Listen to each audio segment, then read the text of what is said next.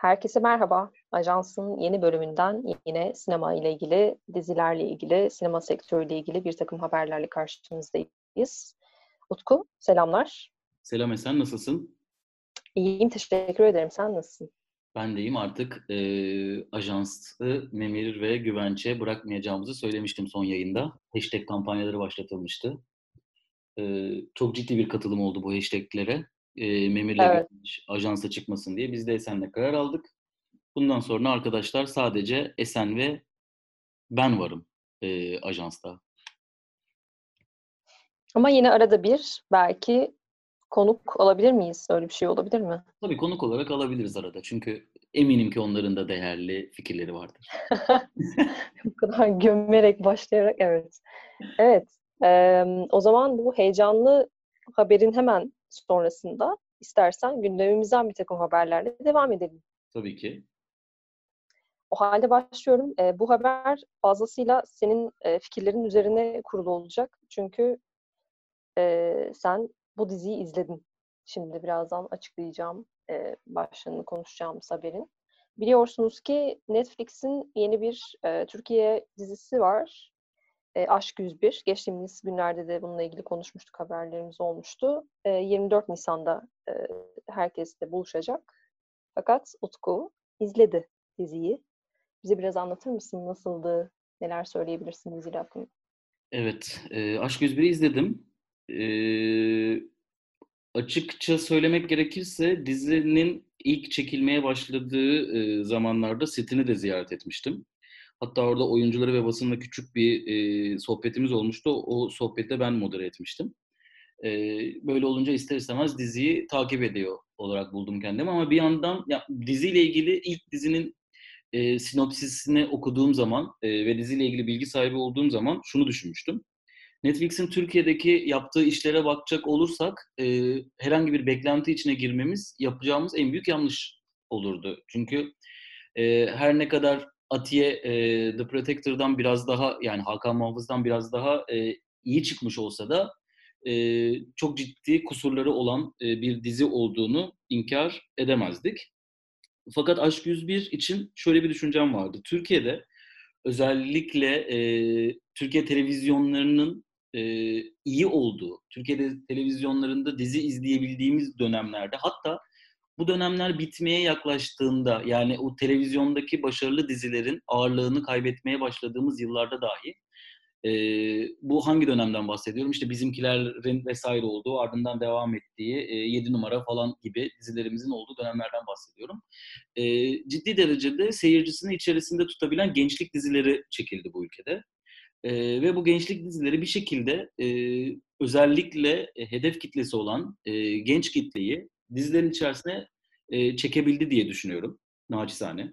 E, o yüzden de her ne olursa olsun bu kadar fantastik dünyalar olmayan, paralel evrenler olmayan, e, süper kahramanlar çıkmayan bir dizinin ben e, her ne kadar Netflix'ten bu konuda beklentimiz düşmüş olsa da e, ne kadar kötü olabilir ki diye düşünüyordum açıkçası. Yani sonuçta bir gençlik dizisi. E, belli başlı bir senaryosu, bir dinamiği, bir matematiği olacak. Ve bununla beraber bir de e, yönetmenlik mahareti gerekecek. E, öyle çok Türkiye'de daha önce görmediğimiz bir hikaye, hiç duymadığımız bir hikaye, hiç alışık olmadığımız şeyler yaşamayacağımızı biliyorduk. E, dizi 90'larla günümüz arasında e, bağ kuran e, bir hikayeyi anlatarak başlıyor. E, şöyle kısaca konusu, e, 90'larda e, kendi e, okullarında e, haylaz olarak adlandırabileceğimiz biraz e, breakfast e, club ekolünden e, içi iyi e, ama toplum tarafından dışlandıkları sebebiyle e, kendi kabiliyetlerini, yeteneklerini yansıtamayan bir grup öğrencinin e, okuldan atılma korkusu e, yaşamaları sebebiyle kendilerini okulda tutmak için büyük çaba gösteren e, öğretmenlerini e, tayini başka bir şehre çıkmasın diye İstanbul'da başka bir öğretmene aşık etmeye çalışmalarını konu alıyor. E, ve bu sırada oh. aslında birbirinden tamamen e, düşman gibi görebileceğimiz bu e, öğrenci grubundan e, beş öğrenci e, o andan itibaren e, çok yakın bir dostluk kurmaya başlıyorlar. Bu da az önce de söylediğim gibi aklımıza Breakfast Club'ı getiriyor zaten. E, dizi bu anlamda bence e, her yeni bölümünde e, merak unsuru olmasa dahi e, izlemeye devam ettirme duygusunu sağlıyor. Yani bundan önce e, en basitten Hakan Muhafız ve Atiye'de e, biraz daha gülünç ne bulabiliriz gibi değil. Bu hikaye nereye varacak? Tatlı tatlı izliyorum. E, tıpkı zamanda gençlik dizilerine kimi zaman e, akşamüstü e, okuldan döndüğümüzde, kimi zaman sabah kahvaltı eşliğinde izlediğimiz dizilere e, tadında bir dizi. Tabii ki son zamanlarda Netflix'in yapmış olduğu özellikle İngiltere yapımı, Amerikan yapımı e, gençlik dizilerinin o e, yarattığı e, nevi şahsına münasır karakterlerin olduğu bir dizi değil. Ama e, iki kere bundan önce tekrar ettiğim gibi e, Breakfast Club ekolünden gelme e, bir hikaye anlatıyor. Fakat e, yine maalesef ki e, senaryosu güçlü olmadığı için, e, karakterler derinlikli olmadığı için, e, diyaloglar zayıf kaldığı için e, dizi belirli bir çıtayı aşmayı başaramıyor. Fakat şöyle bir durum var, bunu da söylemeden edemeyeceğim. Ee, özellikle ilk üç bölümün yönetmeni, sonra bir bölüm daha çekiyor. Ee, Ahmet Katıksız. Ee, bence ana akım için çok, e, yani ana akım işlerde çok beğendiğim bir yönetmen. Ee, kendisini nereden tanıyoruz? Ee, bizim için şampiyon. Ee, At Bolt Pilot'ın hikayesini çekmişti. Ee, sinema severler hatırlayacak. Ana akım bir film olmasına rağmen bu e, Amerikan hikaye, yani bu tarz e, başarı hikayelerini, toplumun birleştiği hikayeleri Amerikan filmlerinde çok sık görürüz. Onların hikaye anlatısını çok e, oldukça başarılı bir yönetmenlikle anlatmış ve son dönemin e, açıkçası en eli yüzü düzgün ana akım e, filmlerinden bir tanesini çekmişti. E, Aşk 101'de de onun olduğu bölümler gerçekten başarılı. Yine tabii haksızlık etmek istemiyorum çünkü e, Deniz Yorulmazer'in de çektiği bazı bölümlerdeki bazı sahneler çok iyi kotarılmış e, diye iç geçirdiğim sahnelerdi. E, senaryosu projenin Meriç Acemi'ye ait. E, ben Meriç Acemi'nin e, lansmanında kendisini dinlemiştim. Şöyle bir şey demişti. E, biz bu projeyi yazarken ben 90'larda çocuk olduğum için tam bu arada benim e, çocuk yani benim o sıralarda oturduğum zamanları anlatıyor dizi.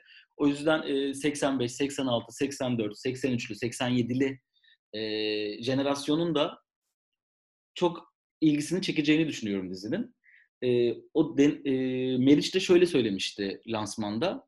Benden bir gençlik dizisi yazılması iste, istendiğinde ben 2020'de geçen bir gençlik dizisi yazamam çünkü buraları bilmiyorum. Ama 90'larda geçen bir gençlik dizisi yazabilirim demişti. Gerçekten de öyle yapıyor. E, dizi 90'larda geçiyor. Fakat sürekli olarak günümüzden de e, bu gençlerin yeniden buluşup buluşmayacağına dair bir açık kapı bırakarak e, hikayenin bir de günümüz ayağına dair bir takım e, çengel takıyor diyebiliriz. Böylelikle hani ikinci sezonda da acaba neler olacak diye e, bir beklenti içerisine sokuyor. Sanırım biraz uzun anlattım ama e, özetlemeye çalıştım. Esen'cim. Çok güzel özetledin. Teşekkür ediyoruz. E, merak uyandırdın. Özellikle işte kampüs İslamları falan izlemiş jenerasyonlar için belki de yeni bir alternatif olabilir. Belki de özlemiş olabilirler e, izleyiciler. Bir bakmakta herhalde zarar yok. Ben aslında bu tüm anlat... Hı, evet. Çok pardon söylemek istedim. Ben çok kısa bir şey söylemek istedim çünkü bununla ilgili. Ee, Netflix Türkiye'nin bence e, en güvenli işi olduğu için şu anda 3 dizi çünkü e, Osmanlı Ottoman Rising e, uluslararası global iş olarak e, anılıyor. E, Hakan Muhafız, e, Atiye ve Aşk 101 üçünü değerlendirecek olursak aralarında e, en eli yüzü düzgününün Aşk 101 olduğunu söyleyebiliriz.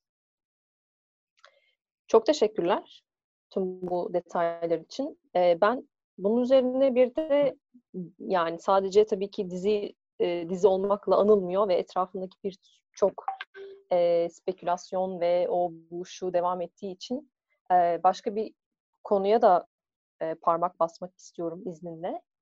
Biliyorsun biz geçen hafta aslında bunun üzerine biraz konuştuk. Adam ol Netflix e, hashtag'i dahilinde. Sonrasında da buna cevaben Rütük'ten bir açıklama geldi. İstersen biraz ondan bahsedelim. Tabii. Ee, Rütük Başkanı bu tüm olaylardan sonra işte Yeni Akit'in falan hedef göstermesinin ardından e, şöyle bir açıklamada bulunmuş. Kırmızı çizgilerimiz bellidir. Gerekli hallerde uyarıyoruz. Gözümüz üzerlerinde. Rütük yönetimi olarak toplumumuzu rahatsız edecek her türlü yayın içeriğine geçit vermemekte kararlıyız açıklaması. Yani e, solcu jargonu kendi içine de devşirerek, no pasaran diyerek e, böyle bir şeyde bulunarak e, tabii ki yine gençlere ve çocuklara eşcinselliği özendirmemek üzerine bir söylemde bulundular. Söylemde bulunmak doğru mu bilmiyorum gerçi. Yanlış kurdum sanırım cümleyi ama e, böyle bir şey söylediler. Ne demek istersin bununla ilgili fikrini merak ediyorum diyeceğim. Biliyorum aslında ama tartışalım hadi. Ya ben şunu söyleyeyim. Ben Ebu Bekir Şahin Bey'e, e, Sayın Rütük Başkan'a çok kötü bir haberim var. E, Ebu Bekir Bey maalesef e, yine eşcinsel olmak için e, gerekli motivasyonu alamayacağız. Çünkü dizide eşcinsel bir ilişki maalesef yok. E, maalesef ki Netflix e, Türkiye'de biraz daha dikkat ediyor buna. E, bahsedilen karakter Osman karakteri. E, dizide herhangi bir e, ilişkisini, bakın heteroseksüel ya da eşcinsel ya da herhangi bir başka ilişki türünü e, görmediğimiz yegane karakter. E, o yüzden e, eğer ki bu kadar görmemek üzerine e, bu karakterin eşcinsel olduğunu düşünüyorsak e, bize helal olsun. E, yani çok isterdi muhtemelen Ebu Bekir Bey e, böyle bir karakter üzerinden böyle bir ceza verip e, topluma gördünüz mü alakanızın bozulmasına izin vermiyoruz demeyi. Ama maalesef bu sefer de olmadı diyebilirim. Peki ben sana başka bir şey sormak istiyorum. Lütfen buyurun. Ee, Esen'cim. Ee, sence bu dizide ki bu karakterin gerçekten bir eşcinsel ilişkisi olsaydı Rütük Netflix'e bir ceza verir miydi? Bir. İkincisi, sence Rütük ceza vermeden Netflix bu tehditlerin ardından bu içeriğe bir sansür uygular mıydı? İki. Üçüncüsü, bu kadar böyle bir baskı, bu dizi bu kadar e, göz önüne gelmişken bu dizide bir takım e, yani dünya standartlarına baktığımız zaman yüzde sıfır sıfır sıfır sıfır bir bile diyebileceğimiz bir takım e, iki normal, iki normal demeyelim, normal çok hoş bir kelime olmadı ama iki sağlıklı bireyin yaşayabileceği e, seks hayatları mevcut. E, sence e, Rütük e, ya bu kadar gaza geldik bir sürü şey söyledik eşcinsel bulamadık buna ceza kesiyoruz der mi? Ee, şimdi senin ikinci sorun sanıyorum ilk sorunun cevabını kapsıyor aslında. Sen dedin ki Netflix zaten Rütük e, bir şey söylemeden kendi kendine sansür uygular mı? Uygular.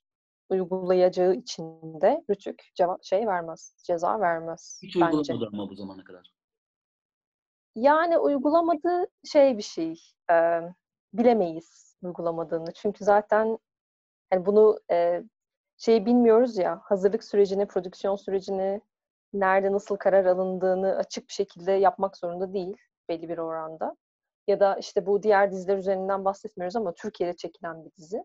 Zaten yani en başta zaten buranın senaristleri ve yapımcıları baştan bir otosansür uyguluyorlar bu konuda. Netflix'e kalmadan zaten ilk başta iç mekanizmada uygulanıyor o şey. O yüzden ben zannetmiyorum o aşamaya gel geleceğini. Yani Rütü'ye kadar gelecek bir e, Türkiye yapımı için söylüyorum bunu özellikle. Böyle bir şeyin olacağını ben zannetmiyorum. Ama diyelim ki işte oldu da hani Aşk 101 global bir şeye dönüşüyor sonuç olarak. Sadece Türkiye yapımı olarak bakmamıza gerek yok. Netflix'in e, her şeyinde izleyebilecek yani her ülkeden izlenebilecek bir dizi. E, ama diyelim ki hani öyle bir işte karakter yaratmak istedi dizinin yapımcıları. İşte gay bir karakter oldu bu. İşte ismi de Osman oldu ve ilişki yaşıyor falan hatta. ilişkisi var. Aş, aşık oluyor başka bir e, adama, erkeğe. Öyle bir durumda ne olur? Rütük evet bence ceza verir. Ama zannetmiyorum öyle bir şey olacağını. Üçüncü sorunda da ben e, diziyi izlemediğim için tam olarak oturtamadım ama tam tekrarlar mısın acaba? Şöyle, e, dizi malum genç insanların olduğu, sağlıklı insanların olduğu bir e, dizi ve bu gençler kendi aralarında sevişiyorlar. Hı hı. Ne kadar ayıp. E, şimdi ben diyorum ki Rütük bu kadar atar yapmışken gözümüz üzerlerinde Türk halkı, Türkiye halkı bakın göz açtırmıyoruz demişken bu ufak tefek Heteroseksüellere de saldıracak mı? Aynen bu heteroseksüellere de şu, bakayım şunu kesin. Hani bu çocuk nasıl bu kızı kucağına aldı? Bu kız nasıl bu çocuğun kucağına atladı? Bunlar nasıl bunu yaptı der mi? Valla bu bir şeye bakar. Ee, bir anda böyle e, Twitter'da aktörlerin patlamasına bakar. Her an böyle bir şey olabilir. Ama yani dediğim gibi diziyi izlemeden böyle bir şey söylemenin de çok şey mümkün olduğunu zannetmiyorum. O şeyin içine ne kadar yedirilebilir bil- bilemiyoruz. Şu anda bana kalırsa e, normal ana akım medyada da gösterilen birçok dizinin içinde gayet e, erotik denebilecek aslında sahneler var. Hatta sürekli bunun üzerine, bu işte seksüel e, şey üzerine kurulu, gerilim üzerine kurulu neredeyse tüm diziler. E, ve bununla ilgili bir şey yapmıyor. Yani yapıyorsa en fazla ne yapıyor? İşte para cezası falan kesiyor. Çok da biz duymuyoruz. Dizi devam ediyor. Öpüşmekten falan bahsetmiyorum. Bunlar çok normal ve doğal şeyler ama genel olarak daha e, böyle intimate bir yere davet eden sahnelerden falan bahsediyorum. Daha böyle üstü kapalı bir şekilde bunu yapan sahnelerden bahsediyorum. Hani öyle bir seyirde devam ederse hiçbir şey olmaz. Ya ama bunun bence formülü kesinlikle ve kesinlikle zaten yani şeyden sonra çekilen bir dizi. Çok yakın bir zamanda çekilen bir diziden bahsediyoruz. Geçtiğimiz e, yıl içerisinde çekildi. O yüzden ben hiç zannetmiyorum zaten böyle bir e, suya girmiş olsun yapımcı ve e, Netflix ve senaristler. Ya diye bence. Netflix'in bu yapımcılarına, yazarına, Netflix'te kim varsa bundan bir ay önce desek ki ya Aşk 101 dizisi e, homoseksüel içeriği sebebiyle Türkiye'de gündem olacak. Hı hı. Derlerdi ki çüş. Bak üslup, üslubumu bozdum yani buraya geldim. E, çüş derlerdi yani çünkü yani dizi inanılmaz bir olay. O yüzden ya ben şuna şaşırıyorum. Düşünsene sen Rütük başkanısın. Tamam mı? E. Twitter'da e, bir takım troller Netflix adam ol diye bir hashtag açıyor. Ve bunun üzerine bir basın mensubu, bak bir basın mensubu diyorum. Bir basın mensubu. E, hı. çıkıyor sana diyor ki, Sayın Başkanım, böyle bir dizi varmış, böyle bir şey konuşuluyor, ne yaparsınız? Sen de çıkıyorsun, koskoca Rütük Başkanısın. Twitter'da bir takım trollerin yaptığı Netflix adam ol çağrısı üzerine gözümüz üzerlerinde evet diyorsun. Yani gerçekten paro- parodi desem, desem ki Esen böyle bir parodi yazdı. Dersin ki Utku biraz da saçmalamadın mı abi? Bence burada bir şey diyeceğim. Yani bu Rütük her zaman bunu yapıyor ya zaten. Bunu bana artık şey gelmiyor bir yandan da bu arada. E, söylediğini anlıyorum evet yani bu absürtlük ve komedi şeyi e, sınırları oldukça e, aşmış durumda artık ama bir yandan da şeyi düşünüyorum. Bence burada esas tehlikeli olan şey az önce senin de bahsettiğin ve hani özel, özellikle altını çizdiğimiz şeylerden bir tanesi. E, bu çocuğun e, işte gay olduğu düşünülen karakterin ve işte gay community tarafından e, gay olduğu bir şekilde söylenen hani bu şekilde bu arada hani neredeyse her e, filmden böyle bir karakter çıkartılabilir ya hani kendilerine yakın e, gördükleri andan itibaren gay community bazı karakterler için şey diyebilir e, o sınıfa koyabilir. İşte Dizi izlemediler ki kimse. Tabii ki izlemediler. Ondan bahsetmiyorum. Ama diyelim ki öyle gerçekten. Diyelim ki Osman'da gerçekten de böyle bir şey var. Ee, gay olduğuna dair çeşitli göstergeler var. Bu arada olabilir ya. Ben dizi izlerken demiştim bunu da. Umarım öyle çıkar ya. Büyük manevra olur yani. Çok severim. Çok beğenirim. Ama bence oradaki işte tehlike şu olabilir. Sen az önce şey dedin. Ya biz bu çocuğun hiçbir şekilde hiç kimseyle bir ilişkisini görmüyoruz. Ne e, bir işte hetero ilişkisini görüyoruz, ne homoseksüel bir ilişkisini görüyoruz. Yani zaten buradaki sıkıntı bu. Bunu görmemek. Yani Rütük'ten önce zaten Ay, biz ama şöyle hikayelerde olabilir. Bak şöyle olabilir burada. Şimdi bu 90'larda geçen bir dizi ya. 90'larda lise öğrencisi. e, senarist bunu ilk sezonunda saklamış. O yüzden bu çocuk sakladığı Hmm. için hiçbir hetero ilişkisini göstermemiş. 2000'lere 2020'ye geldiğimizde belki ikinci sezon e, rahatlıkla cinsel e, yönelimini yaşayan bir kişi olabilir. Bu beni çok heyecanlandırıyor bu fikir yani. Umuyorum. Umuyorum ama, öyle bir şey ama. Rütük Başkanım ikinci sezona bakalım bir. Yani evet ama ben beni hiç şaşırtmaz yani bu işte ceza da alsa şey de olsa hiç hiç şaşırtmaz. Rütük bunu yapar. Bunun için var hatta yani tam olarak olmasının varlığının sebebi bu neredeyse. Rütük. Evet. Evet. Evet bu şekilde. Pekala. O halde bu e, ajansın Netflix ve işte genel olarak yani her ajansta bahsetmiş olduğumuz e, bir şekilde konuştuğumuz Netflix haberini yavaştan geçerek istersen bir sonraki haberimize e, devam edelim. Tabii ki. E, bu biraz yani aslında aynı senaryoyu tekrar okuyoruz gibi bir haber. E, Scorsese'nin biliyorsunuz e, bir şeyi var, yeni bir projesi var Irishman'den sonra. Yine Leonardo DiCaprio ve Robert De Niro'lu e, filmi Killers of the Flower Moon.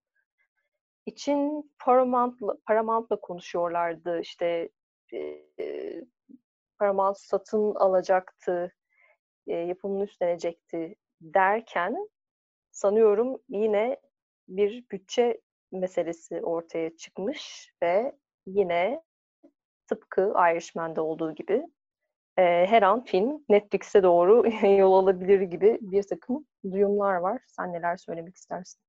Yani evet e, Paramount e, bu filmin haklarını aldı.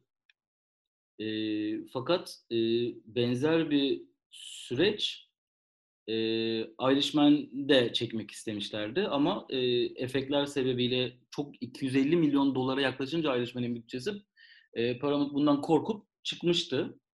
E, özellikle Paramount'un şöyle bir sıkıntısı var şu an e, son yıllarda e, büyük filmleri de batmalar oldu.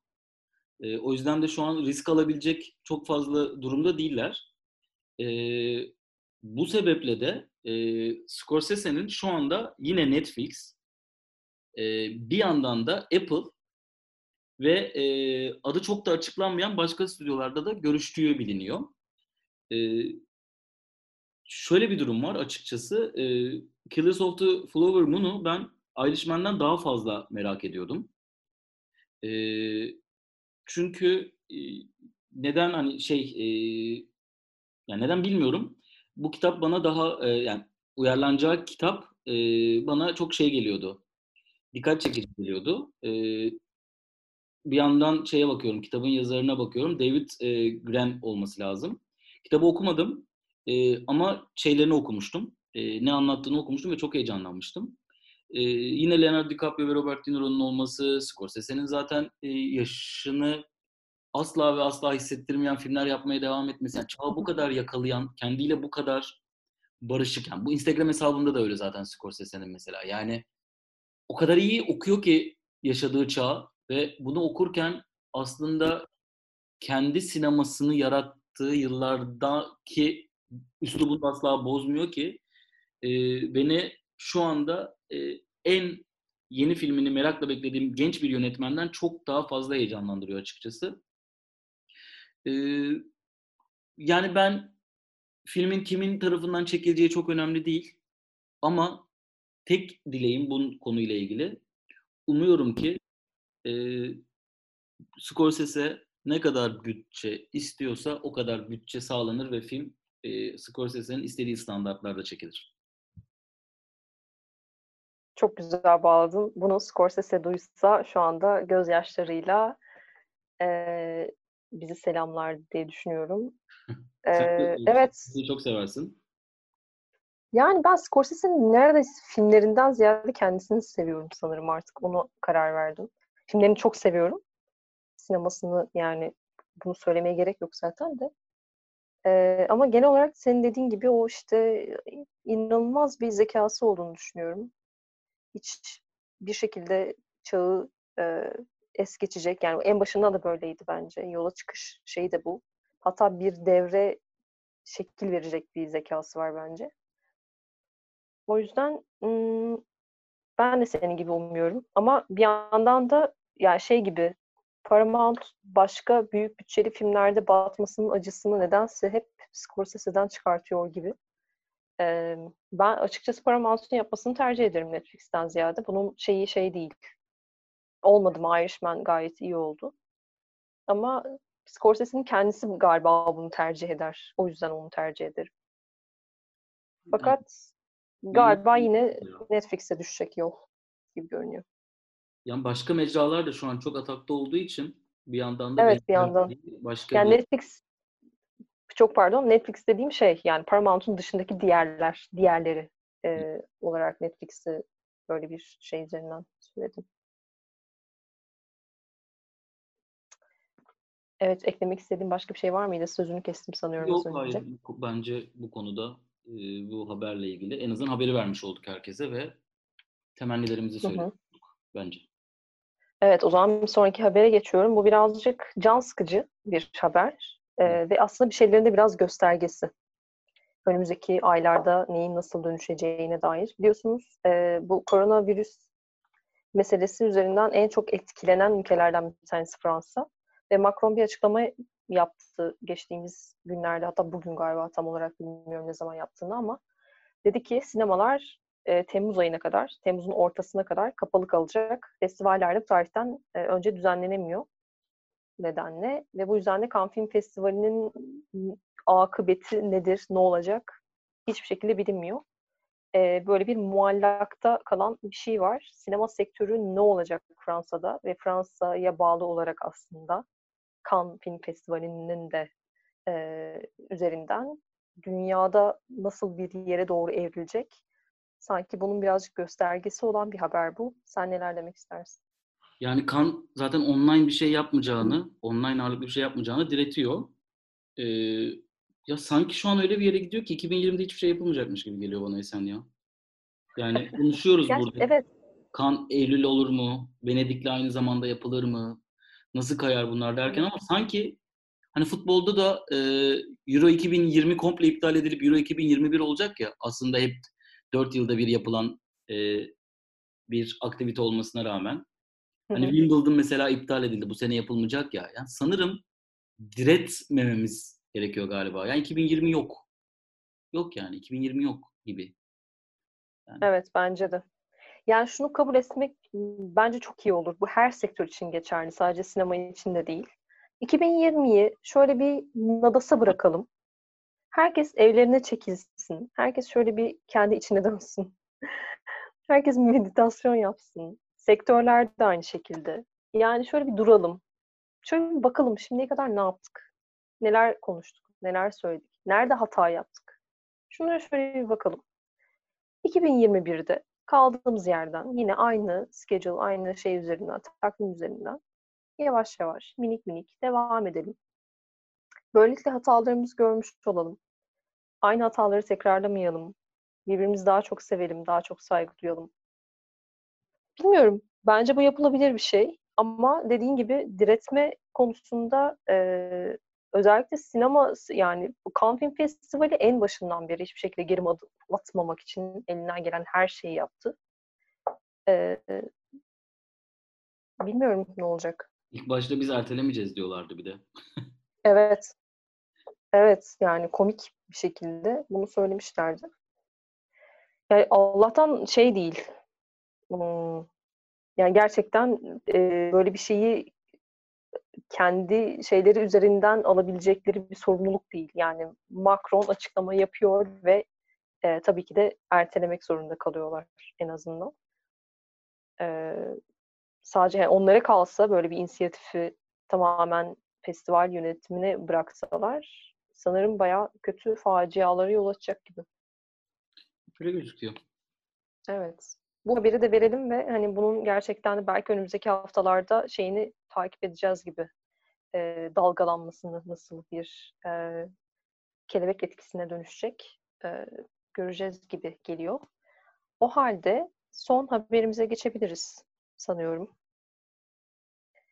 E, çok ünlü bir bilim kurgu romanı olan June'un e, daha önce de sinemaya uyarlanan Jodorowsky tarafından June'un bir e, Denis Villeneuve tarafından e, çekildiği işte o birkaç şey ilk görsel birkaç değil pardon. Benim gördüğüm bir tane görsel var. Evet bir tane. Bir tane görsel e, yayınlandı ve ben aşırı etkilendim. Biraz istersen bundan bahsedelim. Tabii. Timothy Chalamet'in e, başrolünde olduğu ve işte zaten görselde de kendisi var. E, senin beklentilerin neler? Sen yönetmeni çok seviyorsun. Ee, yani ben bazı kötü senaryolarla çalışmış olsa da hepsinde değil. Ee, o kadar şey değilim. Bir iki filmi belki biraz benim için tartışmalı. Benim e, jenerasyonunun en yetenekli bulduğum yönetmenlerinden bir tanesi. Denis Villeneuve, Kanadalı yönetmenimiz. Ee, filmi biliyorsunuz e, aynı romanın başka bir uyarlaması daha vardı. Ee, yanlış hatırlamıyorsam hatta galiba başka uyarlamaları daha var ama e, asıl en çok bilineni Jodorowsky'nin uyarladığı. Eğer şu an yanlış bilgi vermiyorsam umarım. E, bu uyarlama ise e, Villeneuve tarafından e, yapılıyor. Senaryo ise e, Villeneuve ile beraber Eric Roth yazıyor. E, Eric Roth e, ismi size şu an tanıdık gelmediyse kendisinin e, senaryosunu yazdığı birkaç filmi söyleyebilirim belki. Forrest Gump, e, The Insider, e, Al Pacino'nun oynadığı Ali, Muhammed Ali'nin e, biyografik filmi, Muni, e, Benjamin Button'ın Tuhaf Hikayesi e, gibi önemli senaryoları bulunan bir yönetmen. E, Hollywood'un dinamiklerini de bilen, aynı zamanda e, bağımsıza yakın filmlerde çekebilen. Ya bağımsıza yakın demeyeyim de hani biraz da art house pardon bu daha doğru olur. E, tam çünkü Türkçe karşılığını vermiyor. E, çekebilen bir yönetmen. Filmin oyuncu kadrosu da fena. Yani e, Timothy Chalamet'ten hepimiz biraz galiba sıkılmaya başladık. E, ama bu yetenekli bir oyuncu olduğunu değiştirmiyor. Ama hani Rebecca Ferguson, e, Josh Brolin, Javier Bardem, Oscar Isaac, Stellan Skarsgård, Charlotte e, Ram, Ramping, e, Jason Momoa gibi yani çok acayip bir oyuncu kadrosu var. E, ve bence de ilk görsel sadece bir görsel olmasına rağmen heyecanlandırıcı. Sanırım biz bunu konuşurken yarın, e, çünkü öyle bir tweet de gördüm, filmden, e, yani yarın derken bugün, e, fragman ya da başka kareler de düşecek. Biz şu an için ilk görsel üzerinden e, konuşuyoruz bütün bunları. Evet, ben asıl onları merak ediyorum. Çünkü şey gibi, e, benim çok sevdiğim, çok ünlü bir romantik tablo vardır. E, Caspar David Friedrich'in şeyi, e, bir dakika ismini hemen söyleyeceğim. Tablo, yani Sublime diye ben her yerde arattığım için şu an şey yapamadım. Wanderer Above the Sea of Fog. Çok çok ünlü. Yani hemen girdiğiniz anda zaten hatırlayacaksınız tabloyu. Bunun böyle sanki karşıdan çekilmişi gibi e, paylaşılan görsel inanılmaz etkileyici. Tam böyle bir e, hem bana kalırsa ben romanı okumadım ama biliyoruz artık yani okumadan bile e, nasıl bir şey etkisi olduğunu biliyoruz hikayesini. E, tam böyle o evrenle aşırı e, uyuşan ve işte o tablonun e, işte endüstri devrimine karşı bakışı ve işte e, ilgisiyle falan böyle bana kalırsa aşırı heyecan verici bir şey var. E, bağlantısı var. Ama bilmiyorum şu anda tamamıyla atıyorum yani sadece görsel üzerinden çok benzeştiği için e, öyle bir şeyde yorumda bulunuyorum ama e, bu önümüzdeki günlerde senin dediğin gibi daha başka görseller paylaşıldıktan sonra ve işte filmin fragmanı da yayınlandıktan sonra belki e, böyle bir şey var mı gerçekten ilişki var mı diye bakılabilir. Ama kesinlikle çok yani hem renk, kompozisyon, kostüm her şeyle birlikte baya baya bu e, tablonun e, dediğim gibi tam karşı açısından çekilmiş hali gibi bir görsel. Çok çok güzel. E, merakla bekliyoruz. Ee, sanırım elimizdeki konular bitti. Ee, o yüzden küçük bir küçücük bir ekleme yapmak istiyorum. Ee, geçtiğimiz günlerde e, tweet de atmıştım. Çok heyecanla beklediğim bir e, dizi var. E, Phoebe Waller-Bridge'in yine e, yazdığı e, Run e, HBO'da yayınlandı ve e, bu podcast'i yaptıktan sonra kapatıp ben de onu izleyeceğim. E, Yani ilk eleştiriler böyle olumlu gibiydi ama sonra biraz daha karışık gibi de e, gelmeye başladı. E, bakalım nasıl çıkacak onu da e, yarınki podcast'te umarım konuşuruz diye bakalım heyecanla e, bekliyor olacağım. Evet, ben de merak ediyorum senin fikirlerini. Belki ben de sonunu izlerim. O zaman bugünlük evet. benden bu kadar. O zaman bugünlük benden bu kadar. Yarın tekrar görüşmek üzere. Kendinize iyi bakın. Hoşçakalın.